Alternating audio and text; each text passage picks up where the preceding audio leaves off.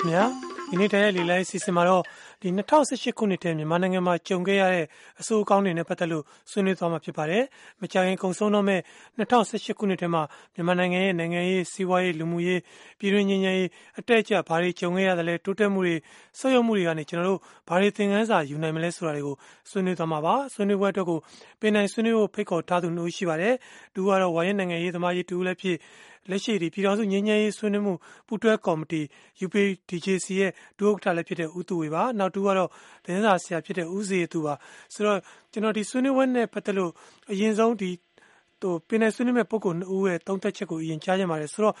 ဟိုကျွန်တော်တို့ဒီပြီးခဲ့တဲ့နှစ်ထဲမှာဒီနိုင်ငံရေးစီးပွားရေးလူမှုရေးပြည်တွင်းငြိမ်းချမ်းရေးအတက်အကျတွေကိုရေဘူးရများပြန်သုံးသပ်မယ်ဆိုရင်အတက်နဲ့အကျဘယ်ဘက်ကပုံများတယ်လို့များပြောနိုင်မလဲဆရာဦးသူဝေအရင်ဆွေးနွေးပြပါလားခင်ဗျာ အဲအားလုံးမင်္ဂလာပါခင်ဗျာကျွန်တော်ကတော့ဒီလိုဟိုငင်းငယ်ရေးနဲ့ပတ်သက်တဲ့လူဆိုတော့ဒီငင်းငယ်ရေးနဲ့ပတ်သက်ပြီးနည်းနည်းပြောပါပေါ့နော်ကျွန်တော်တို့2010ခုရှိခုနှစ်အပြင်အဲဟောင်းသွားတော့မဖြစ်ဖြစ်ဖြစ်တယ်2019နှစ်ကျတော့နှစ်ဖြစ်လာတော့မှာပေါ့ဗျာနော်လူတွေကတော့အဲ့မှာ Happy New Year လို့နှစ်ကိုကြိုဆိုကြမှာပဲလေဟိုကျွန်တော်တို့2018ခုနှစ်မြန်မာနိုင်ငံမှာ ဘာတွေများတည်တဲ့အောင်မြင်ခဲ့တယ်လဲဘာစင်ကုန်မှုတွေနဲ့ကြုံတွေ့ကြရတယ်လဲအဲ့ဒါကိုမဖြေခင်မှာပထမဆုံးသိချာမှာကတော့လူတွေအဆူဝေးနဲ့နေကြတာဖြစ်ပြီးတော့နော်အဲ့ဒီအဆူဝေးထဲမှာကောင်းတဲ့လူတွေမကောင်းတဲ့လူတွေတော်တဲ့လူတွေမတော်တဲ့လူတွေညံ့တဲ့လူတွေတိဆောက်တဲ့လူတွေပြည့်စည်တဲ့လူတွေအတူတကွရောနှောနေကြတာဖြစ်တယ်ဗျာဒါကြောင့်မလို့ပြိတ္တကရှိနေမှာတဘာဝပဲလို့နားရရမယ် မြန်မာနိုင်ငံမှာလက်နက်ကပြိတ္တကဒီကြောင်းမလို့ပြည်သူတွေကဆင်းရဲဒုက္ခအမျိုးမျိုးနဲ့ကြုံတွေ့ကြရပါတယ်ဗျာ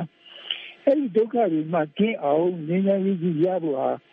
မြန်မာနိုင်ငံအတွက်အရေးတကအရေးကြီးဆုံးဖြစ်ပါတယ်။ဒါကြောင့်လည်းနိုင်ငံတော်အစိုးရရဲ့တိုင်းရင်းသားလက်နက်ကိုင်အစုအဖွဲ့တွေရဲ့နိုင်ငံရေးပါတီတွေရဲ့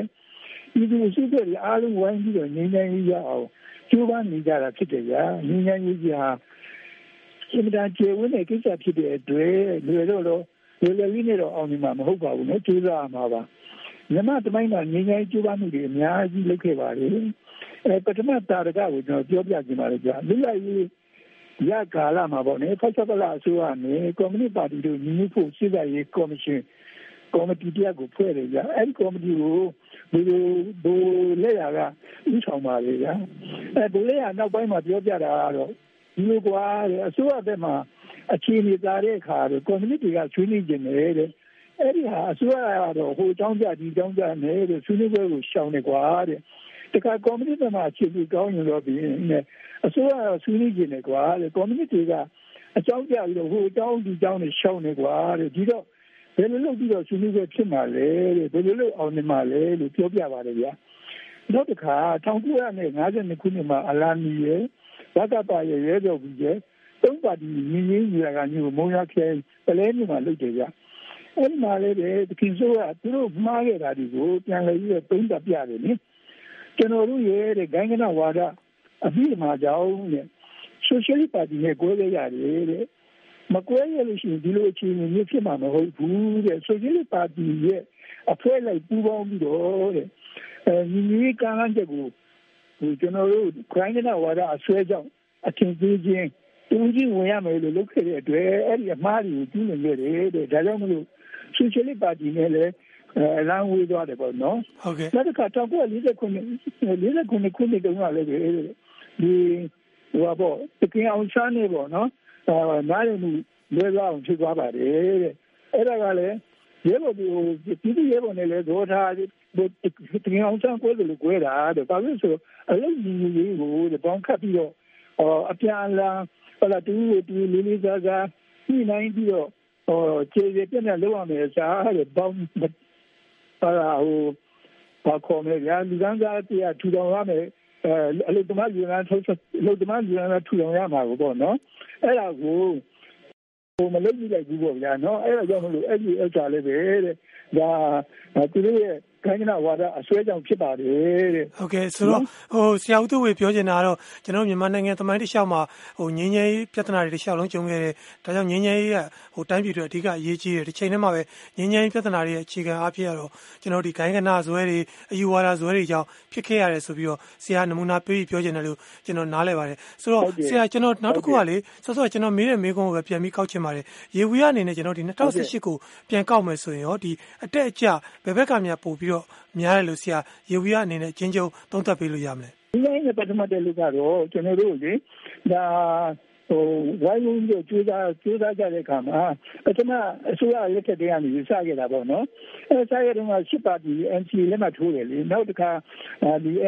NLD အစိုးရလက်ထက်မှာနောက်တစ်နှစ်ပါတီလက်မှတ်ထိုးရဆယ်ပါတီလက်မှတ်ထိုးရဆိုတော့တဝက်လောက်ကငင်းငင်းရေးကိုလက်မှတ်ထိုးထားတာဆိုတော့တော်တော်ကြီးတော့အောင်မြင်သွားတယ်ပေါ့ဗျာနော်ဒါပေမဲ့အခုနောက်ဆုံးပေါ့ဗျာနော်နောက်ဆုံးကဘာဖြစ်လဲလို့ဆိုတော့ကျွန်တော်တို့ငင်းငင်းရေးမှာတွန့်ဆုတ်သွားတာဖြစ်တယ်ဗျနောက်ဆုံးကဘာဖြစ်လဲဆိုတော့ဒီ ဟိုဘော KNU ကလည်းပဲ UDPC ချွေးပွဲကိုယာယီရဆိုင်ထားမယ်လို့ပြောကြည့်ရတယ်ဗျာနောက်တစ်ခုကတော့ RCS ကလည်းပဲ JMC လုပ်ငန်းကိုရထည့်ရမယ်လို့ကြည့်ရပြန်တယ်ဗျာအဲ့ဒါကငင်းငယ်ပေါ်ဆောင်ပြီးတဲ့ဒီ UDPC ရဲ့ JMC နှစ်ခုစလုံးကိုရပ်တန့်သွားတာဖြစ်တယ်ဗျာဒါကြပြီးမဲ့အခုအရေးတော်ဆွေးနွေးပွဲတွေပြန်လုပ်တဲ့အခါမှာတိုးတက်မှုတွေရှိတယ်လို့ကြားရပါတယ်လေနောက်ပြီးတော့လည်းမြောက်ပိုင်းအဖွဲ့တွေက NCA လက်မှတ်ရေးထိုးတဲ့မှာ ပါလာမယ်လို့ကြားတာရဲ့တပ်မတော်ကလည်းပြစ်ခတ်တိုက်ခိုက်မှုကိုအေဒီလာတိရဆဲမယ်လို့ထုတ်ပြန်ပြနေလိုက်တာဗျာကောင်းမွန်တဲ့ရှင်းဟမ်းနေတယ်ဗျာအချိန်ကတည်းကလည်းရှိတော့ကပုံမှုကျိုးစားဒီလာကြလိမ့်မယ်လို့ထင်တယ်။ဒီကလေးကလည်း2020မှာငင်းရည်ကိုအပြီးကျဆောင်ရမယ်လို့ ခေါင်းဆောင်တွေကညီမထားတာဖြစ်တဲ့အတွက်ကြောင့်အားလုံးဝိုင်းကြည့်ကြမှာပေါ့လေနော်ကြည့်ကြနေလို့ဖြစ်ရင်ကျွန်တော်တို့ဒါအလားအလာအမှန်ကောင်းပါတယ်လို့ပြောချင်ပါတယ်ဗျနော်ဟုတ်ကဲ့ဆိုတော့ဆရာဦးစီရဲ့သူရဲ့သဘောထားခင်ဗျကျွန်တော်တို့ဒီပြီးခဲ့ဒီဒီ2018အတွင်းမှာဒီနိုင်ငံရေးစီးပွားရေးလူမှုရေးပေါ့နော်ဆိုတော့ဆရာဦးသူဝေကတော့သူအဓိကအာရုံစိုက်နေတဲ့ပြည်တွင်းငြိမ်းချမ်းရေးအပိုင်းကိုပြောသွားတယ်ဆိုတော့ကျန်တဲ့အပိုင်းတွေမှာရောကျွန်တော်တို့အတက်အကျဘယ်ဘက်ကများပုံများတယ်လို့သုံးသပ်လို့ရမလဲ အဲကျွန်တော်အတက်သေးကြောက်ရှိတာပေါ့လေအတက်သေးကြောက်ရှိတော့ဟိုတခုနဲ့နဲ့ပြောရင်တော့ရခိုင်ကြီးကတော့2019ကစလိုက်တဲ့ရခိုင်ကြီးကနောက်ဆက်ရှင်မှာကျွန်တော်တို့ကတော့ရှောက်ရှင်းနေရပြီးတော့အဲ့ဒါပဲကျွန်တော်တို့နိုင်ငံတကာဆက်ဆံရေးရောနောက်ပြီးတော့ကြတော့ဒီငင်းချမ်းရေးစီးပွားရေးပေါ့လေအကုန်လုံးအုပ်ချုပ်ရေးမှာတောက်လျှောက်ကိုသူကကြိုက်သွားတာပဲဆိုတော့အဲ့ဒါကတော့တကယ်အကြာကြီးပါပဲအဲ့ဒီကနေကျွန်တော်တို့ကမနှဲဘူးခုဟာ ဆွဲတင်နေရပြီးတော့ဒီတကဘာလုံးနဲ့တယောက်ဆန်ဆန်မျိုးပေါ့လေကိုယ့်ဘက်ကထောက်ခံတဲ့နိုင်ငံတော်တော်လေးနေသွားတဲ့အနေအထားမှာရှိပါတယ်ဒါကတော့အကြတယ်ဆိုတော့နိုင်ငံရေးပါတော့ဟိုအုပ်ချုပ်ရေးပဲပြောပြောနိုင်ငံရေးပဲပြောပြောအဲ့နှစ်ခုပေါင်းမှာတော့ဟိုကောင်းတာလေးတွေရှိတယ်ပေါ့ဘာလဲဆိုတော့ဥမာသမဝင်းမြင့်တက်လာပြီးနောက်ပိုင်းမှာအစိုးရအရင်ရတဲ့ဆိုင်တော့ပို့ထုတ်လာတယ်ပေါ့လေပြည်ကြောင်းလေးတွေလည်းကျွန်တော်တို့လောက်တာတွေတွေ့ရတယ်ဟိုနောက်ပြီးတဲ့အခါကျတော့ဒီအဲအရေးလိုက်စားမှုတိုက်ချက်ရေးပေါ့လေ အဲ့ဒီဘက်ချမ်းမှာလည်းဒါလောက်တာလေးကကောင်းလာတာကိုကျွန်တော်တို့တွေ့ရတယ်ပေါ့ဆိုတော့အဲ့ဒီဘက်ချမ်းမှာတော့ဘာပြောကျွန်တော်တို့ကအတက်တွေရှိတယ်ပေါ့လေအဲဟိုဘက်မှာတော့စီးပွားရေးမှာတော့ကျွန်တော်တို့ကဟိုတော့ဖြစ်နေတာပေါ့လေစီးပွားရေးမှာကျတော့ဒီတပတ်ကနောက်ဆုံးထုတ်တဲ့ဟာကိုပဲကြည့်နေရင်ကျွန်တော်တို့ကတက်တဲ့နှုန်းကအစ6.8လောက်မှန်းထားရင်ဒီနှစ်မှာ6.2ဆိုတော့ဒီမှန်းတော့ကျွန်တော်တို့ကမတက်ဘူးဆိုတော့တွားပြီးတွေ့ရတယ်ပြီးတဲ့အခါကျတော့သူချင်းတော့ level လိုက်ပေါ့လေသူချင်းတော့ဒီကမ္ဘာလေးကြီးသွားလုပ်ငန်းမှာကျွန်တော်တို့ကတော်လေးထိတယ်အဲ့ဒါကဟိုသူချင်းတော့ high end tourist ပေါ့လေဒီ UGG ပေးပြီးနည်းနည်းသုံးတဲ့ tourist တွေနောက်ရောပါနေအမေရိကန်လာတာသူကသုံးဝက်လောက်ပြုတ်ကျသွားတယ်လို့ပြောရပါဆိုတော့အဲ့ဒီဘက်တိုင်းမှာထီရောမိဖို့ချက်ချောင်းနေတဲ့ဟိုတယ်တို့ကျွန်တော်တို့သွားပေးသူဆောင်ရင်လုပ်ငန်းအဲ့ဒါတွေပါလေအကုန်လုံးထိတယ်ပေါ့လေပြီးတော့နောက်တစ်ခုထိတဲ့ဟာကတော့ဘာလဲဆိုတော့ဒီကြက်ငွေ တန်ဖိုးကတော်တော်လေးပြုတ်ကြတော့ငါးဘုံတုံလောက်ကိုကျော်သွားတာတွေ့ရတယ်ပေါ့လေဒါကတော့ဒီဇူလိုင်ကနေစလိုက်တော့အောက်တိုဘာ3ရက်လောက်တင်ခုရက်ဒီလေကျွန်တော်တို့ကငြိမ်တာမတွေ့ဘူးအဲ့နောက်ပိုင်းမှာဈေးရလည်းလိုက်ခါတာပေါ့လေဆိုတော့ဓာတ်ဆီဈေးတွေတက်တဲ့ခါကျတော့တခြားဈေးတွေကလိုက်တယ်နေအခုဟာတော့အဲကုန်စည်နှုန်းတွေလည်းတက်လာတာတွေ့ရတယ်ဒီပေါက်ပွားမှုနှုန်းကလည်း6လောက်8.8 9လောက်ရှိရဆိုတဲ့ခါကျတော့အဲ့ဒီဘက်ပိုင်းကတော့ကျွန်တော်တို့ကကြားတဲ့ဟာတွေရှိပါတယ် ငင်းချင်ရတော့ကြာဥတုကိုလည်း ခုနပြောတော့ပါတယ် ဒီတခြားလုံးမှာတော့ လက်ရှိ နည်းနည်းဟိုတက်လိုက်ကြလိုက် ဖြစ်နေရနေပြီးတော့မှ အခု ဒီဟိုစက်တမ်ဘာကနေပြီးတော့လေးလကျော်လောက်တော့အပြစ်ခတ်တစ်ဖက်သက်ရက်ဆဲမယ်ဆိုတော့ ဒါကတော့တော်လေး ထူကြတော့ အတက်သက်ပေါ့လေအဲနောက်ပြီးတော့ဟိုကျွန်တော်တို့ အများအားပြောနေကြတယ် အစိုးရက သိပြီး မလုပ်နိုင်တာထွေဦးကြောင်လို့ ပြောနေတဲ့ကိစ္စ အဲ့ဒါကလည်းမနေ့မနေ့ကပဲ ရှင်းသွားတယ်ပေါ့လေ ထွေဦးကိုပြောပြီးအစိုးရအဖွဲ့ ရုံးအောက်ကိုပို့မယ်ဆိုတော့ဒါဆိုရင်တော့အုပ်ချုပ်ရေးဘက်ကအတက်လည်းဖြစ်တယ်ခုနငင်းချိုင်းဘက်ကလည်းအတက်လည်းဖြစ်တယ်ပေါ့လူမှုရေးဘက်ကလည်းပြောပြောဟိုစာပေတို့မီဒီယာတို့ဘက်မှာတော့မီဒီယာဒီရဲ့အခန်းကဏ္ဍတွေကျလာတယ်ပေါ့လေဆိုရနဲ့မီဒီယာကြားထဲမှာလည်းဟိုနားလည်မှုလွဲတာလေးတွေကျွန်တော်တို့တွေ့ရတဲ့ခါကျတော့ဒီမိုကရေစီတည်ဆောက်ရေးကာလမှာမီဒီယာဆိုတာလည်းရေးကြီးတဲ့ institution ဖြစ်တယ်ဒီမိုကရေစီဆိုတာလည်းအရေးကြီးတဲ့ institution ဖြစ်တော့ဒီနှစ်ခုပုတ်လိုက်တာလိုရတဲ့ကျန်းတဲ့သဘောတော့တွေ့နေရတာအဲ့ဒါကတော့အကြပိုင်းမှာရှိတယ်ပေါ့လေဆိုတော့ ဆုံးကြည့်လိုက်မယ်ဆိုရင်တော့အတက်ခေါ်ကြအောင်ဒီမှာတော့ရောပြောနေရပေါ့လေကျွန်တော်တို့ကအကြဘက်ကပုံများတယ်လို့ပြောရမှာတော့အဲရခိုင်ကိစ္စကတော်တော်လေး လွှမ်းသွားတဲ့အတွက်ကြောင့် ဒါကိုကြော်လုပ်နိုင်မှာပဲ ကျွန်တော်တို့က ပြန်တက်လာမယ့်သဘော ရှိပါတယ်ဟုတ်ကဲ့ဆိုတော့ ဒါနဲ့ ပတ်သက်လို့ ကျွန်တော် မေးချင်တာရခိုင်ပြည်နယ် အကြက်တဲကတော့ဒီအဓိက စိန်ခေါ်မှု ဆိုတာတော့သိကြပါတယ်ဒီမြန်မာအစိုးရ အနေနဲ့လည်းဒီငင်းချမ်းကိစ္စ အပါဝင်ပေါ့လေတခြားဦးစားပေး လုပ်ချင်တဲ့ ကိစ္စတွေတော့မှပဲဟိုနောက်တန်းရောက်သွားတာမျိုးတွေတော့ရှိနေပါတယ် ဆိုတော့ဒီရခိုင်ပြည်နယ် အကြက်တဲရော ဖြည့်ရှင်းနိုင်မယ့် အလားအလာ ဘယ်လောက်များ မြင်မိလဲ ကျွန်တော်အခုကတော့တဖြည်းဖြည်းတော့ဆိုရတော့ဟိုလုံနိုင်တာတွေအကုန်လုံးတော့လုံနေတဲ့သဘောရှိပါတယ်တစ်ဖက်မှာကြောက်လဲအပြင်ကဘာကြောက်လဲသူကဒါဆိုရတိတ်ကြီးလုံမနေဘူးဆိုပြီးတော့အရင်ရတဲ့ကောင်ကဖိအားတွေတိုးလာတာတွေ့ရတယ်ပေါ့နော်တိုးရတဲ့ခါကျတော့ဟိုကျွန်တော်မြင်တော့ဒီဘဝတမလာကဒီအရေးကြီးပိတ်ဆို့မှုရှိမရှိပေါ့အဲ့ဒီကောင်အဖြေဖြစ်မယ်နဲ့တူတယ်သူကအရေးကြီးပိတ်ဆို့လိုက်တယ်ဆိုရင်တော့ဒါကဟိုကျွန်တော်တို့လုံသမားတွေကတော်တော်ကိုထိကြိုက်သွားပြီး ဟိုအရင်တက်မလို့ဆိုရလက်ထက်ခေတ်ပြန်မရောက်တော့မှအဲ့ဒီနီးနီးတော့ကျွန်တော်တို့ကဟိုအထီးကျန်သဘောမျိုးရောက်သွားပြီဆိုတဲ့သဘောမျိုးဖြစ်မှာပေါ့နော်အဲ့တော့သူတို့ဆုံးဖြတ်ချက်မချခင်ကာလတွေကအရေးကြီးပါတယ်ဒီချိန်တွင်းကတော့ရနိုင်ကြလောက်ပြန်ဆယ်ပြီးတဲ့အခါကျရင်ကိုနဲ့နီးစပ်တယ်ပေါ့နော်သူပြည့်နေကျွန်တော်ကတော့ဒီအမေရိကန်အစိုးရနဲ့အမေရိကန်မီဒီယာတွေကိုဒါအစိုးရပြည်ပြီးတော့အရင်ရတဲ့ကျွန်တော်ချင်းကပ်ဖို့လိုတယ်နောက်ပြီးတဲ့အခါကျတော့ဘင်္ဂလားဒေ့ရှ်နဲ့လည်း ကိုနဲ့ကတော့ကြိုင်ဘက်လိုတော့ဖြစ်နေတယ်နဲ့သူတို့နဲ့တော့အနီးကပ်ပို့ပြီးတော့ပူးပေါင်းဆောင်ရွက်တင်တယ်ပေါ့နော်ဆိုတော့တခြားနည်းလမ်းတော့ရွေးစရာမရှိပါဘူးကျွန်တော်အနေနဲ့ကတော့အခုတည်းကတော့အကောင်းမြင်နေတော့မှာပဲဘာလို့လဲဆိုတော့စိုးတာကတော်လေးစိုးသွားပြီဖြစ်တော့အစိုးမှနောက်ဆုံးမှတ်ရောက်သွားတဲ့သဘောဖြစ်နေတော့ဟို visit သဘောအရပြောမယ်ဆိုတော့ပြန်များခုန်တက်လာမလားပေါ့လေဟုတ်ကဲ့ဆိုတော့လုံးတော့ကျွန်တော်တို့ကလုံးရမှာပါပဲလုံရင်းလုံရင်းနဲ့ကိုယ့်ရဲ့ဒီအချက်တဲကိုလုံနေများနဲ့လုံနေတာကိုနိုင်ငံတကာကယုံကြည် လက်ခံလာနိုင်တဲ့အခြေအနေလည်းရှိနေတယ်အခုဟာပြီးတော့ platform ပေါ့လေတချို့နိုင်ငံတွေဆိုရင်ဒီနိုင်ငံတကာနဲ့နိုင်ငံကြီးတွေနဲ့ပူးပေါင်းဆောင်ရွက်ဖို့အတွက်ဒါသင်ချင်းလိုက်ရှာနေရတယ်ကျွန်တော်တို့ကသင်ချင်းကများများဆဆရှာကြမလို့ရခိုင်သင်ချင်းတစ်ခုလုံးရှိနေတဲ့အတွက်ဒီမှာသာကိုကတကယ်စိတ်ကောင်းစေနာကောင်းနဲ့လုပ်တယ်ဆိုတာဟိုကိုတက်နိုင်တာမတက်နိုင်တာတပိုင်းပေါ့လေစိတ်ကောင်းစေနာကောင်းနဲ့တကယ်လုပ်နေလို့ယုံကြည်သွားရင်တော့လမ်းတွေပြန်ပြီးတော့ပွင့်သွားနိုင်တယ်ပေါ့ဒါနဲ့အများကြီးတော့လုပ်ရပါလိမ့်မယ်ဒီရဲ့ပို့ပြီးတော့ရင်းနှီးတွေ လူသားချင်းကြီးအချိန်တွေအာယုံတွေပို့ပြီးတော့တောင်ထည့်ရပါဦးမယ်ဟုတ်ဟုတ်ကဲ့ဆရာစီသူဆွေးနွေးရကျေးဇူးပါဆိုတော့ကျွန်တော်တို့ဒီဆွေးနွေးပွဲအတွက်ကိုပါဝင်ဆွေးနွေးဖို့ကျွန်တော်တို့ဆက်သွယ်ထားတဲ့ပုံကိုတယောက်ရှိနေပါတယ်ဥမောင်ကျော်စံဖြစ်ပါတယ်မင်းပြားမျိုးပါပါဥမောင်ကျော်စံဆွေးနွေးနေတာပဲဖြစ်ဖြစ်မင်းမြန်းနေတာပဲဖြစ်ဖြစ်ဆွေးနွေးမင်းမြန်းလို့ရပါတယ်ခင်ဗျာဟုတ်ကဲ့ကျွန်တော်ဆွေးနွေးနေတာကတော့ကျွန်တော်တို့ဒီဒီဒီအဲ့ဒီအစိုးရတက်လာတဲ့ရှင်ကစားပြီးတော့ကျွန်တော်တို့ရခိုင်တပ်မှာ ရခိုင်ကဘာကြောင့်လဲဆန်းရင်တဲ့အလုပ်တွေပဲပြင်နေရတယ်အဲ့ဒါဘာလဲဆိုလို့ရှိရင်ကျွန်တော်တို့ရခိုင်ဘက်မှာမီဒီယာကစားလည်းလည်းမှုရအလုံးလုံးကိုစုတယ်နောက်တစ်ခါကျွန်တော်တို့ရခိုင်ဒီဘက်မှာရခိုင်ကိုပဲဒီမဲ့ခနေတာလည်းတွေ့ရတယ်ဘာလို့ဆိုရင်ကျွန်တော်တို့အချက်ပြကြာပြီးတော့ပြောမလားစားမီဒီယာကစားကျွန်တော်တို့ရခိုင်ပြည်အကြပ်ပိတ်ထားပြီဘာလို့ဆိုရင် ဒီဒီနေ့တက်လာတဲ့ပြည်ပေါ်အစားပြေးတယ်လို့ကျွန်တော်တို့မြင်နေဘာလို့လဲဆိုရင်ဒီကဗမာစာရေးကြတယ်အစိုးရရဲ့တမလို့ဘက်ကနေပြီးခိုင်ပြန်တော့ကြောင်းနောက်အဲဒီပန်းမှုပြီးရင်းနေကြတာကျွန်တော်တို့လဲပြပါဒါဆိုလို့ရှိရင်ကျွန်တော်တို့ရခိုင်ဗမာဒါပြရတဲ့တိုင်းသားရှင်းရှင်းအမှုပွားစီရတယ်ဖြစ်နေတယ်နောက်လည်းဗ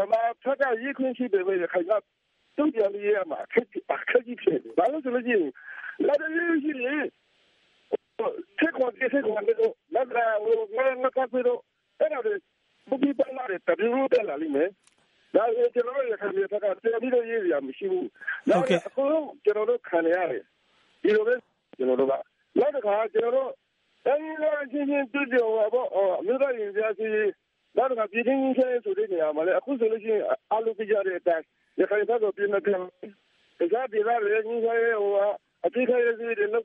အခုကျွန်တော်တို့ခံရရတယ်။ဒီလိုပဲကျွန်တော်တို့ကနောက်တစ်ခါကျွန်တော်တို့အဲဒီကအချင်းချင်းတွေ့ကြပါပေါ့။အမျိုးသားရင်ကြားစီနောက်တစ်ခါပြည်ချင်းချင်းဆိုတဲ့နေရာမှာလည်းအခုဆိုလို့ရှိရင်အလုပ်ကြရတဲ့အတိုင်းရခိုင်ဘက်ကိုပြင်နေတယ်။တခြားပြည်သားတွေကြီးဆိုင်ဟိုအတိတ်ကရေးတွေလုပ်တယ်။အခုကျွန်တော်တို့ရခိုင်အများကြီးဆိုရင်လည်းကျွန်တော်တို့ရခိုင်ပြည်သူတွေအမျိုးသားလုံခြုံရေးထိခိုက်တယ်။ ဒါတွေကျွန်တော်တို့အများကြီးစိုးရင်ရတယ်ဥမောင်ကျော်စံအဓိကဟိုပြောချင်တဲ့နှစ်ချက်ကိုကျွန်တော်နားလည်တာကတော့တခုကတော့ဒီဟိုရခိုင်တိုင်းရင်းသားတွေနဲ့စန့်ကျင်တဲ့သဘောထားတွေမီဒီယာတွေမှာလည်းဖော်ပြနေတယ်ဆိုတော့သဘောထားပါဟုတ်ဥမောင်ကျော်စံဘယ်အကိုးကားတွေနဲ့ပြောရဲဆိုတော့ကျွန်တော်လည်းဟိုဒီဆွေးနွေးမှာအတိအကျကျွန်တော်မသိနိုင်ဘူးပေါ့လေနောက်တစ်ချက်ကတော့ဒီဒီငင်းငင်းနဲ့ပတ်သက်လို့အခုအ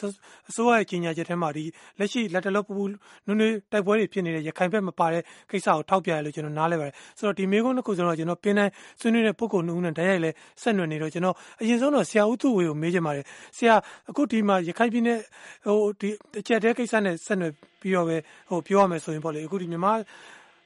စစ်တပ်နဲ့ဒီဟိုဟိုရခိုင်တပ်မတော်ဒီ AA နဲ့ တိုက်ပွဲတွေလည်းတလို့ပူနွေးနွေး ဖြစ်နေတာ ရခိုင်ဘက်မှာ အကြီးကျယ်ပါ ဒါပေမဲ့လည်း အခု ပြီးခဲ့တဲ့ဟိုကြီးညာချက်ထဲမှာကဒီတိုက်တိုက်ပွဲတွေဖြစ်နေတဲ့ ရခိုင်ဘက် မပါဘဲနဲ့ မြောက်ပိုင်းရပဲ အဓိကဖြစ်နေတော့ တချို့အားရအပေါ်မှာ ဘဝင်မကျတာဒီတိုင်းရင်းသား လက်နက်ကိုင် အဖွဲ့တွေဘက်ကလည်း ပြောတာတွေ ကြားတယ် အခုစောစောပဲတောတိုက်ရှင်တယောက်ကလည်းအဲ့ဒါကိုဘဝင်မကျတဲ့သဘောထားမျိုးပြောသွားတယ်ဆိုတော့ဟိုဒီလိုအခြေအနေမျိုးတွေရှိနေခြင်းအပြင်ရောဒီငင်းငယ်ဆွေးနွေးပွဲဆရာတို့မျှော်လင့်သလောက်ရှေ့တိုးနိုင်မှာမလားဆရာဒီရခိုင်မှာရှိနေတဲ့ဘင်္ဂလီရေးကိစ္စကတော့ကျွန်တော်တို့နိုင်ငံသားတွေနဲ့ပြရတဲ့ပြဿနာဆိုတော့ပို့ပြီးတော့မှခက်ခဲတာပေါ့ဗျာနော် ဖြစ်တယ်နောက်ပြီးတော့လည်းပဲဒီကနိုင်ငံတကာရဲ့ PR တွေကလည်းအင်မတန်များတယ်ဆိုတော့သူတို့မြန်မာနိုင်ငံကအစိုးရအနေနဲ့ဟိုကင်တယ်ပုံကကျွန်တော်မြင်တာတော့ဖြစ်ရင်အာဒါဘာခေါ်မလဲညီညီတာတာနဲ့အခြေအနေရပါတော့ဒါသူနားရနေကင်တယ်နေတာဖြစ်တဲ့ခါကျတော့ပြဿနာကြီးမားမားတော့မဖြစ်နိုင်ပါဘူးလို့ယူဆပါတယ်နောက်ပြီးတော့လည်းခင်ဗျားကပြောတဲ့အာဒါရခိုင်ပြည်မှာအေးတိုက်ပွဲကြီးဖြစ်နေတယ်ဆိုတာကတော့ဖြစ်ရင် အဲဒါကတော့ဟိုဒီဟိုဒီတက်တိုက်ပွဲဖြစ်ပြီးတဲ့အခါမှာဒါတိတ်ပြီးတော့ဟိုဟိုစက်တနာကြီးပေါ်မလာနိုင်ဘူးဆိုတဲ့အနေမျိုးနဲ့ဒါတကင်းထဲမှာနည်းနည်းကိုမပြတာဖြစ်နေတယ်လို့ကျွန်တော်ယူဆပါတယ်ဗျာနော် ဟုတ်ကဲ့ဆရာဦးသူဆွေးနွေးရကျေးဇူးပါဆိုတော့စောစောသတင်းမီဒီယာနဲ့ပတ်သက်လို့ဆရာစီသူသဘောထားကိုကျွန်တော်ကြားချင်ပါတယ်သူကတော့စောစောပြောသလိုပေါ့နော်ဒီဟိုဟိုဒီရခိုင်တိုင်းရင်းသားတွေဘက်ကိုဟိုသဘောထားအမြင်စောင်းစေမဲ့ဟာတွေမီဒီယာတွေဟိုမှာကြေကြေမြမြဖော်ပြနေတာရှိတယ်သူတို့ဘက်ကဖော်ပြခွင့်မရဆိုဒီလိုနားလည်မှုဟိုမှုဟိုလွဲမှားတာလည်းဖြစ်ဖြစ်ပေါ့နော်ဒီလိုအမြင်သဘောထားတွေကလည်းတကယ်ပဲရှိနေကြတယ်ဆိုတော့ဒါတွေရောရခိုင်အကျက်တဲနဲ့ပတ်သက်လို့ဟို ဖြည့်ရှင်းရမယ့်ပြဿနာဖြစ်နေတော့ဒါတွေရောဘယ်လိုဖြည့်ရှင်းနိုင်မဲ့နည်းလမ်းတွေရှိမလဲဆရာစီသူအဲ့တော့ဒီကတော့ဟိုပြည်ရင်းနဲ့ပြည်ပမီဒီယာပေါ့လေကျွန်တော်ဟိုခုနဆရာကတော့ဟိုဘယ်မီဒီယာကိုညွှန်ပြသွားလဲတော့မသိပါဘူးဒါပေမဲ့အပြင်က PR ကကိုပြည်တိုးစီတာတော့ပြည်ရင်းမီဒီယာတွေရေးသားတာအကြောင်းနဲ့ဆိုင်ဒီနိုင်ငံတကာမီဒီယာတွေပေါ့လေဘင်္ဂလားဒေ့ရှ်ကလည်းဖြစ်ဖြစ်မယ်ဒါမှမဟုတ်လည်းဒီနိုင်ငံတကာမီဒီယာတွေပေါ့လေအဲ့ဒီမီဒီယာတွေကနေပြီးတော့မှပေါ်ပြရတယ်ကြောင့်ဖြစ်မယ်လို့ထင်တယ်ကြ ဆိုတော့ အဲ့ဒါတော့ မီဒီယာဟိုပေါ်ပြတာတွေကတော့ဟိုဒီအိဗက်ကဖြစ်တဲ့နေရာမှာ ဖြစ်တဲ့အတွက်ကြောင့် မျိုးစုံတော့ ကျွန်တော်တို့ ရှိနိုင်တယ်တစ်ချက်ကတော့လည်းဟိုတချို့ကဟိုဘင်္ဂလားဒေ့ရှ်ဘက်ကနေ လှမ်းပြီးတော့ဒါဂျပန်ပြည်နယ်ရင်းဟာတွေရေးသားပေါ်ပြနေတယ်ဆိုတဲ့ခါကျတော့လေဒီမြေပြင်ခြေနေကို သူတို့အနေနဲ့လည်းဟိုဘာသာပြန်တာပေါ့လေဒီလိုက်ပြီးတော့ စုဆောင်းတာ အခက်အခဲတွေ့ရင် တွေ့နိုင်ပါလိမ့်မယ် အဲ့ဒီကြောင့်များ ဖြစ်နေတာလားပေါ့လေဒါမှမဟုတ်ဘဲနဲ့လည်းဒီသက်ဆိုင်ရာ ဒေသခံတွေကကြတော့လေဒါဟိုကိုယ်တိုင်ခံစားနေရတဲ့လူတွေဆိုတော့ ဒါ မြေပြင်ခြေမျိုးထင်ဟနိုင်ခြင်းမရှိဘူးဆိုပြီးသူတို့ကိုယ်တိုင်ကပူတိနေတာမျိုးလည်းဖြစ်နေနိုင်တယ်ပေါ့လေမီဒီယာတွေနဲ့ဆိုင်ဆိုတော့အဲ့ဒါကတော့ကျွန်တော်အမြင်တော့လဲပို့ပြီးတော့ညများအဲ့ဒီနယ်မြေတွေကိုဆင်းပြီးတော့ရေးသားဖော်ပြတာထုတ်လွှင့်တာအဲလူပေါင်းစုံနဲ့ဟိုတွေ့ဆုံမေးမြန်းတာပေါ့လေဘင်္ဂလားဒေ့ရှ်ပဲရှမ်းရန်ကုန်ပဲချမ်းအဲ့လိုမျိုးမျိုးစုံတွေ့မှာပဲဒါတွေကတော့ပို့ပြီးတော့ဖော်ပြနိုင်မယ်လို့ထင်ပါတယ်အဲနောက်တစ်ခုရှိတာကတော့ အဲ့လိုမျိုးပေါ်ပြရင်တော့မှလူတွေရဲ့အမြင်ကပြောင်းသွားပါမလားပေါ့ဒီပေါ်လဲဆိုတဲ့အခါကျတော့လူဆိုတာကတော့ကိုပထမဆုံးမြင်ထားတဲ့ကနဦးအမြင်ကိုဆွဲတိုင်ထားလိုက်တဲ့ဟာဖြစ်တဲ့အခါကျတော့နောက်တဲ့သတင်းတွေဘလောက်တက်လာတက်လာသူတို့ကငကိုခံအောင်တော့သူစင်းတော့နိုင်ငံတကာပြည်သက်တို့ဘာလို့ကတော့ဖြေပြောက်ဖို့တော့ခက်လိမ့်မယ်ဗျအဲ့ဒါလေးတကူတော့မြင်ပါတယ်ဟုတ်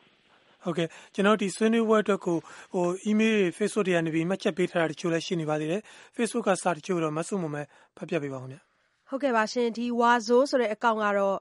အထူးပြောင်းလဲမှုကတော့ ကုန်စည်နှုန်းတွေ ပိုပြီးတက်လာတယ် စားဝတ်နေရေး ပိုကြက်တဲလာတယ် ဆင်းရဲသားတွေ ပိုများလာတယ် ခိုးဆိုးလူရက် တိုက်ခိုက်မှုတွေ ပိုပေါ်လာတယ် အတုနဲ့လှုပ်ရှားသူတွေ ပိုများလာတယ် အစားအသောက်တွေက ဈေးတွေ ပိုကြီးလာပြီးတော့အရင်ကလောက် စားလို့မကောင်းတော့ဘူး ပိုပိုပြီးတော့ညံပြင်းလာတယ်လို့ ရေးထားပါတယ် ဖိုးညံဆိုတဲ့ အကောင့်ကတော့ ပြောင်းလဲမှုက ရှိပါတယ်တဲ့80ရာခိုင်နှုန်းလောက်ပါတဲ့ စစ်တပ်လည်း ဒီလောက်ပါပဲ ဘာပြောင်းတယ်လဲဆိုရင်တော့ အမှန်ကို အမှန်တိုင်းပြောဖို့ နေရာရလာပါတယ်တဲ့ ဦးသိန်းစိန်ခေတ်တုန်းကတော့ လူ့အခွင့်အရေးကတော့50လောက်ပဲ ရှိပါတယ်တဲ့။သန်းနိုင်ရွှေတောင်ကြီးကတော့ ဦးသိန်းစိန်ခေတ်တုန်းက66ဂါကြီးက73မှုပါတဲ့ လက်ရှိ NLD ရဲ့ ၃ နှစ်မှာတော့ ၆၆ က ၁၅၂ မှုနဲ့ ၁၄ ဆ တိုးတက်ပြောင်းလဲလာတယ်လို့ရေးထားပါတယ်။ ဟုတ်ကဲ့ကျေးဇူးပါဆိုတော့ဒီသောရရှင်ရဲ့စာရီထဲမှာတော့ဒီစီးပွားရေးခြေနေနောက်ပြီးတော့ဒီလိုရာဇဝတ်မှုကြီးနဲ့ပတ်သက်တဲ့သတင်းတွေပေါ်မှာလဲဟိုအားမလို့အားမရတဲ့သဘောထားတွေကိုထင်ရနေရလို့ပြောရမှာပါနောက်တစ်ယောက်ကတော့ဒီစက်သွယ်ရေးဥပဒေလိုဥပဒေမျိုးတွေနဲ့အေးအေးယူခံနေရတယ်တိုးလာတာဟိုလဲထောက်ပြပါတယ်ဆိုတော့ဟိုဒါနဲ့ပတ်သက်လို့ဆရာဦးသူဝေကဒီပေါ့လေငင်းငင်းကိစ္စအဓိကလုပ်နေရဆိုပေမဲ့တခြားဒီဟိုနိုင်ငံရေးနဲ့ဟိုဆက်နွယ်တဲ့ကိစ္စတွေနဲ့ပတ်သက်လို့လဲဟိုထိမိဆက်မိရှိနေတော့ကျွန်တော်မေးချင်တာကတော့ဒီလိုမျိုးပေါ့လေဆော့ဆော့ တော်တရှင်တယောက်ထောက်ပြတဲ့ဆက်သွယ်ရေးဥပဒေလိုမျိုးပေါ့ဥပဒေတွေကိုပြင်သင့်တာတို့ဖျက်သင့်တာတို့အသစ်ရေးဆွဲသင့်တာတို့တွေမှာတာဝန်ရှိတော့ဒီလွတ်တော်ရဲ့အခန်းကဏ္ဍနဲ့ပတ်သက်လို့ရောကျွန်တော်တို့ဒီ2018အတွင်းမှာဘယ်လောက်ထိလုံနိုင်ခံနေရှိခဲ့တယ်လို့များယူဆလဲဆရာဦးသူဝေအဲကျွန်တော်တို့ဒီ level ကိုဒီနေ့ကမှဖတ်ရကြလို့ပေါ့များနော်သူတို့ဟိုဟာခေါ်လေလွတ်တော်မှာ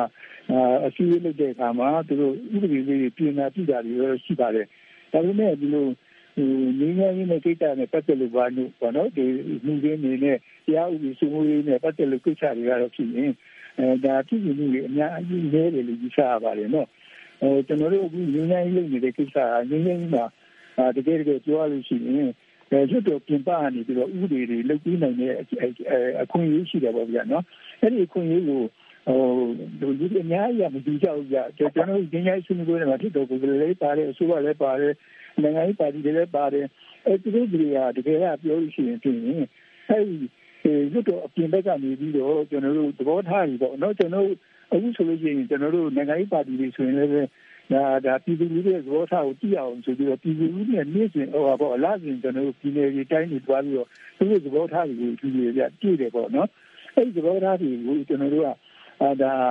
အာမြစ်တော်ဒီမှာဒီကျွန်တော်ဒီဒီဒီဒီမှာဆွေးနွေးပြီးတော့ငင်းငိုင်းမှာဆွေးနွေးပြီးတော့ပေါ့ကြာငင်းငိုင်းကြီးလာကညက်တစ်ဆင့်အဲဒါကျွန်တော်မြစ်တော်ကိုပို့ရင်မြန်မြန်လဲရောက်နေတယ်မြန်မြန်လဲလုံနေတဲ့ဟာရှိတယ်အဲဒါကိုအခုကြီးတွေမကြည့်ကြတာကိုကျွန်တော်တွေ့ရတယ်ကျနော်အဲကျွန်တော်တို့လုတ်ပုံလုတ်ကြီးတွေကအတန်နှီးနေတာကိုတွေ့တယ်အကယ်၍များခြေခြေပြင်းပြင်းနဲ့လုံနိုင်ရင်ကျွန်တော်အဲ့ဒီဥပဒေပြင်ဟိုပါဆက်တော်ပြင်ပကနေပြီးတော့ငင်းငိုင်းကြီးအချင်းကျွန်တော်လုပ်လိုက်ရင်အများကြီးအာဒါဖြစ်နိုင်တယ်လို့ကျွန်တော်ယူဆရတယ်ကြာနော် ဟုတ်ကဲ့ဆရာဦးသူဝေဆွေးနွေးရကျေးဇူးပါဆိုတော့ဆရာဦးစီရဲ့သူရောခင်ဗျာကျွန်တော်တို့ဒီဥပဒေပြုရေးမှာအဓိကတာဝန်ရှိတဲ့လွတ်တော်ရဲ့အခန်းကဏ္ဍနဲ့ပတ်သက်လို့ရောကျွန်တော်တို့2018အတွင်းမှာဟိုလုံနိုင်ခဲ့တာဘယ်လောက်ရှိရလို့ယူဆလဲခင်ဗျာအဲ့ဒါကတော့ကျွန်တော်တို့ဒီနေနေဟာတွေတော့ဟိုဖြစ်တာလေဒါပေမဲ့ကျွန်တော်ဒီကမ်းလိုက်တာတော့အခွန်ကိစ္စတော်တော်လေးဟိုအခွန်ဥပဒေပေါ့လေအဲ့ဒါဖြစ်သွားလို့ထင်ပါတယ်ကျန်တဲ့ဟာကတော့အများကြီးတော့ ကျွန်တော်တို့ဟိုလှုပ်လှုပ်ရရအတွက်ကြာရင်အဓိကတော့ဟိုမှာပဲဖြစ်တာပေါ့လေအဲ governance reform မှာလွတ်တော်မှာလည်းကြာရင်ကျွန်တော်တို့အစိုးရမှာလည်းဒီဖက်ပြီးလိုက်စားမှုတိုက်တဲ့ကြီးအဲ့နှစ်ခုမှာဟိုလူဒီများတဲ့ဟာထင်ရှားတဲ့ဟာတွေကတွားပြီးတော့ကျွန်တော်တို့ဖြစ်နေတာတော့တွေ့ရတာပေါ့လွတ်တော်ကတော့ဘာတော့ပြောလို့ရလဲဆိုတော့အရင်ကျွန်တော်တို့နှစ်နှစ်သက်ဆိုင်တော့ပို့ပြီးတော့ငြိမ်လာတယ်ပြီးတဲ့အခါကျတော့လွတ်တော်ကော်မတီတွေကလည်းတော်တော်လေးရင်ကားတဲ့ဆိုင်တော့ဟိုလုံနိုင်ကြိုင်နေတာတွားပြီးတော့တွေ့ရတယ်ပေါ့နော်နောက်ဆုံးခုကိစ္စမှာကြာတော့လေ နည်းနည်းလေးတော့ နောက်ကျတယ်လို့ ပြောလို့ရတယ်။ဒီဒေါ်လာကိစ္စပေါ့လေ။ဒေါ်လာတွေကိုဒီဗဟိုဘဏ်ကနေပြီးတော့မှ ဝယ်ပြီးတော့ ဈေးထိန်းညှိတဲ့ကိစ္စနဲ့ နောက်ပြီးတော့အခုတသောင်းတန်ကိစ္စပေါ့။အဲဒီမှာတော့ လွှတ်တော်ကော်မတီက ခေါ်ပြီးတော့ ဗဟိုဘဏ်က လူကြီးတွေပေါ့လေ။ညွှန်ချုပ်နဲ့ အထက်တို့ ဘာတို့သူက ဆင့်ခေါ်ပြီးတော့ အမေရိကန်တို့ ဘာလို့တော့ မဟုတ်ပါဘူး။ဒါပေမဲ့အဲဒီလောက်တော့ မပြင်းထန်ပေမဲ့တော်တော်လေးတော့ စစ်လိုက် ဆေးလိုက်တဲ့ဟာမျိုးတွေလည်း တွေ့ရတော့ ဘာလို့လွှတ်တော်ကတော့ဟို အရင်ဥသိမ်းလက်ထက်9နှစ်ရဲ့အခုဒီနှစ်3နှစ်ရဲ့ပေါင်းလိုက်စုပေါင်း10နှစ်အတွင်းမှာတော့အားပြောပြောတော်တော်လေးတော့ငြိမ်လာတယ်လို့ကျွန်တော်အနေနဲ့ပြောလို့ရပါတယ်ဗျဟုတ်ကဲ့ဆိုတော့ကျွန်တော်ချုပ်အနေနဲ့ဆရာဦးသူဝေအချိန်ကျွန်တော်တို့1မိနစ်ကြော်ကြော်လောက်တော့ရှိပါသေးတယ်ဆရာဦးသူဝေဆိုတော့ကျွန်တော်ဒီပြီးခဲ့တဲ့နှစ်ထဲမှာကြုံခဲ့ရတဲ့ငင်းငင်းကိစ္စပဲဖြစ်ဖြစ်ပေါ့လေဒီအထွေထွေဒီနိုင်ငံရေးအချက်တဲတွေနဲ့ပဲဖြစ်ဖြစ်ဟိုရှင်းနှစ်ထဲမှာကျွန်တော်တို့ဘာတွေများအရေးကြီးဟို ဒီကဒီနှစ်ထဲမှာကျွန်တော်တို့ကြုံခဲ့ရတဲ့အပေါ်မှာသင်ခန်းစာယူပြီးတော့ရှင်းနှစ်ထဲမှာလုံနိုင်ခိုင်နိုင်မဲ့ကိစ္စတွေဘာတွေများရှိမယ်လို့အချင်းကြုံသုံးသပ်လို့ရမလဲဆရာကျွန်တော်တို့တက်ဒီနာနဲ့တကယ်အရေးကြီးတာကတော့အဲဒီငင်းငင်းရေးရဖို့လည်းတကယ်အရေးကြီးတယ်လေနောက်တစ်ခုကတော့ဒီငင်းငင်းနဲ့အတူတူကအာစီဝါရေးပြည်မှုကလည်းအဲအရေးကြီးတာပဲပေါ့နော် အဲ့တော့ငင်းငင်းရေးရဖို့ကဘာတွေများလုပ်ရင်ကောင်းမလဲလို့ဆိုတာကတော့ငင်းငင်းရေးမှာဒါအာဒီငင်းငင်းရှိနေတဲ့လူတွေပေါ်မှာအဓိကဘာအချက်တွေလိုလဲဆိုရင်နံပါတ်1ကတော့ငင်းငင်းရှိနေရမှာအကောင်းမြင်တတ်ရမယ်ဗျာအဲ့ဒါဆိုရင်နားလည်မရှိဘူးပေါ့နော်နောက်ပြီးတော့ပြိပ္ပကဖြစ်တာသဘာဝရေးနားလည်ရမယ်ဗျာနောက်ပြီးတော့တစ်ဖက်သားပြောတာကိုလည်းဒီလိုကြိုက်နားထောင်ရမယ်ဗျာနော်ကိုယ်ကသဘောထားကိုလည်းရိုးသားသားနဲ့ပုံမှန်လေးပြောရမယ်ဗျာ။ဖြစ်နိုင်တာတွေကိုစပြီးပြောမယ်သဘောမတူနိုင်ရင်လည်း အဲအေးအေးချင်းချင်းနဲ့ရှင်းပြတတ်ရမယ်ဗျာ။ဒါဆိုရင်ကိုယ်တကယ်ယုံကြည်လို့ပြောတာဖြစ်ကြောင်းကိုတူရဲနားလည်ပြီးတော့သဘောမတူရင်တော့မှကိုယ်ကိုလေးလေးစားစားနဲ့ဖြစ်သွားမယ်ဗျာ။အဲ့ဒါကတော့ဒါငင်းငင်းနဲ့ပတ်သက်တော့ဒီတော့ဒါဒါရှင်းကမ်းလေးတွေပေါ့ဗျာနော်။သူနည်းလုံးနဲ့ကျန်တဲ့အဲဟိုအရေးကြီးတဲ့ချက်ကလည်းပါလဲဆိုတော့ဒီငင်းငင်းမှာအာလူတွေညီညွတ်အောင်ဆိုတာကတော့ကျွန်တော်တို့တိုင်းပြည်မှာဟိုဟာရှိတယ်ဗျ ဒီနိုင်ငံသားစိတ်ဓာတ်ပေါ့နိုင်ငံသားစိတ်ဓာတ်ကနည်းနည်းရော့ရဲနေတယ်ဗျအဲကျွန်တော်တို့ပြည်တော်စုမြန်မာနိုင်ငံသားတွေပဲကိုကဆိုတဲ့စိတ်ဓာတ်မျိုးကရော့နေတယ်အဲဒီစိတ်ဓာတ်ကအာရှိနေဆိုရင်ဒီညီညီကိုအများကြီးရနိုင်တယ်ဥပမာဆိုထိုင်းနိုင်ငံမှာဆိုလို့ရှိရင်ကျွန်တော်တို့ထိုင်းလည်းပဲမြန်မာနိုင်ငံလိုပဲလူမျိုးစုတွေအများကြီးရှိတယ်ဒါပေမဲ့အားလုံးသောလူမျိုးစုတွေကထိုင်းပဲกว่าတော့ဟုတ်လားဒါအခွင့်အရေးတွေမှာတန်းတူတယ်ညီညီမျှရှိတယ်အားလုံးပြောဟိုဘာလူမျိုးဖြစ်လို့ဘာဘာသာဖြစ်လို့ဟိုသူကပြောတာ ဟုတ်ကဲ့ဆရာဦးသူရေကျွန်တော်တို့ဟိုဆွေးနွေးပွဲအတွက်ကအချိန်ကဒီလောက်ပဲရတဲ့အတွက်ဒီနေရာမှာပဲအဆုံးသတ်တတ်ပြစီပါဝင်ဆွေးနွေးပြတဲ့ဦးသူဝေဦးစေရသူကိုယ်တိုင်ပါဝင်ဆွေးနွေးတဲ့သူတွေစာရေးသားပေးဖို့သူတွေနဲ့သောတာရှင်တွေအားလုံးအထူးကျေးဇူးတင်ပါတယ်ခင်ဗျာ